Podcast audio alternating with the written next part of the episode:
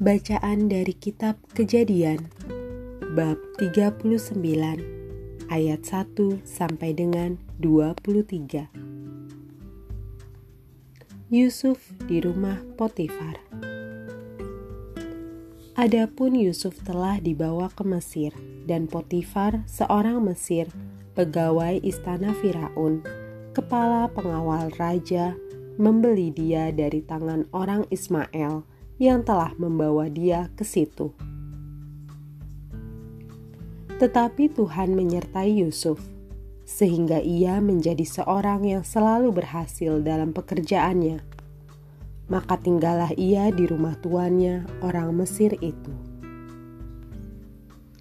Setelah dilihat oleh tuannya bahwa Yusuf disertai Tuhan dan bahwa Tuhan membuat berhasil segala sesuatu yang dikerjakannya maka Yusuf mendapat kasih tuannya, dan ia boleh melayani dia. Kepada Yusuf diberikannya kuasa atas rumahnya, dan segala miliknya diserahkannya pada kekuasaan Yusuf.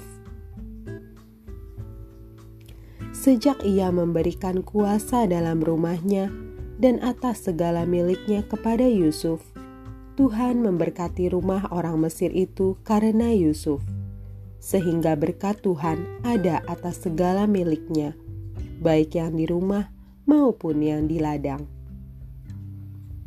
Segala miliknya diserahkannya pada kekuasaan Yusuf, dan dengan bantuan Yusuf, ia tidak usah lagi mengatur apa-apapun selain dari makanannya sendiri.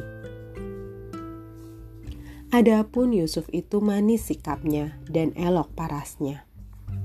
Selang beberapa waktu, istri tuannya memandang Yusuf dengan berahi, lalu katanya, "Marilah tidur dengan aku."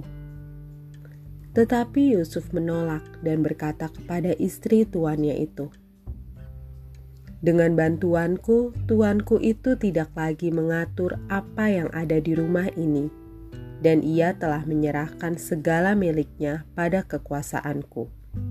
Bahkan di rumah ini, ia tidak lebih besar kuasanya daripadaku, dan tiada yang tidak diserahkannya kepadaku selain daripada engkau, sebab engkau istrinya.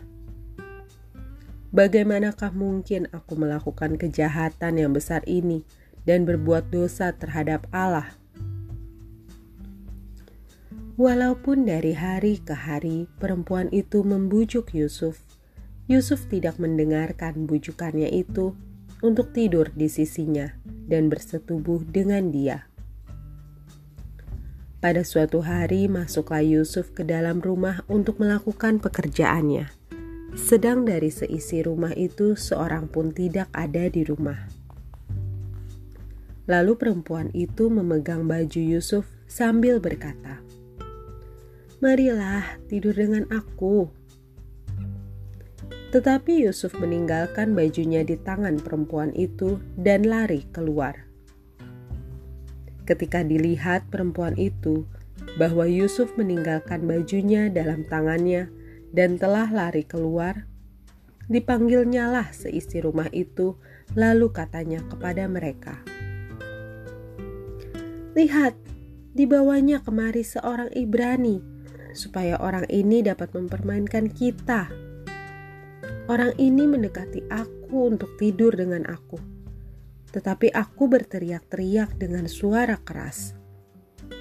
Dan ketika didengarnya bahwa aku berteriak sekeras-kerasnya, ditinggalkannya lah bajunya padaku, lalu ia lari keluar. Juga ditaruhnya baju Yusuf itu di sisinya sampai tuan rumah pulang. Perkataan itu jugalah yang diceritakan perempuan itu kepada Potifar, katanya. Hamba orang Ibrani yang kau bawa kemari itu datang kepadaku untuk mempermainkan aku. Tetapi ketika aku berteriak sekeras-kerasnya, ditinggalkannya bajunya padaku, lalu ia lari keluar Baru saja didengar oleh tuannya perkataan yang diceritakan istrinya kepadanya. Begini begitulah aku diperlukan Begini begitulah aku diperlakukan oleh hambamu itu. Maka bangkitlah amarahnya. Lalu Yusuf ditangkap oleh tuannya dan dimasukkan ke dalam penjara, tempat tahanan-tahanan raja dikurung. Demikianlah Yusuf dipenjarakan di sana. Tetapi Tuhan menyertai Yusuf dan melimpahkan kasih setianya kepadanya dan membuat Yusuf kesayangan bagi kepala penjara itu. Sebab itu kepala penjara mempercayakan semua tahanan dalam penjara itu kepada Yusuf dan segala pekerjaan yang harus dilakukan di situ dialah yang mengurusnya. Dan kepala penjara tidak mencampuri segala yang dipercayakannya kepada Yusuf, karena Tuhan menyertai dia dan apa yang dikerjakannya dibuat Tuhan berhasil. Demikianlah sabda Tuhan syukur kepada Allah.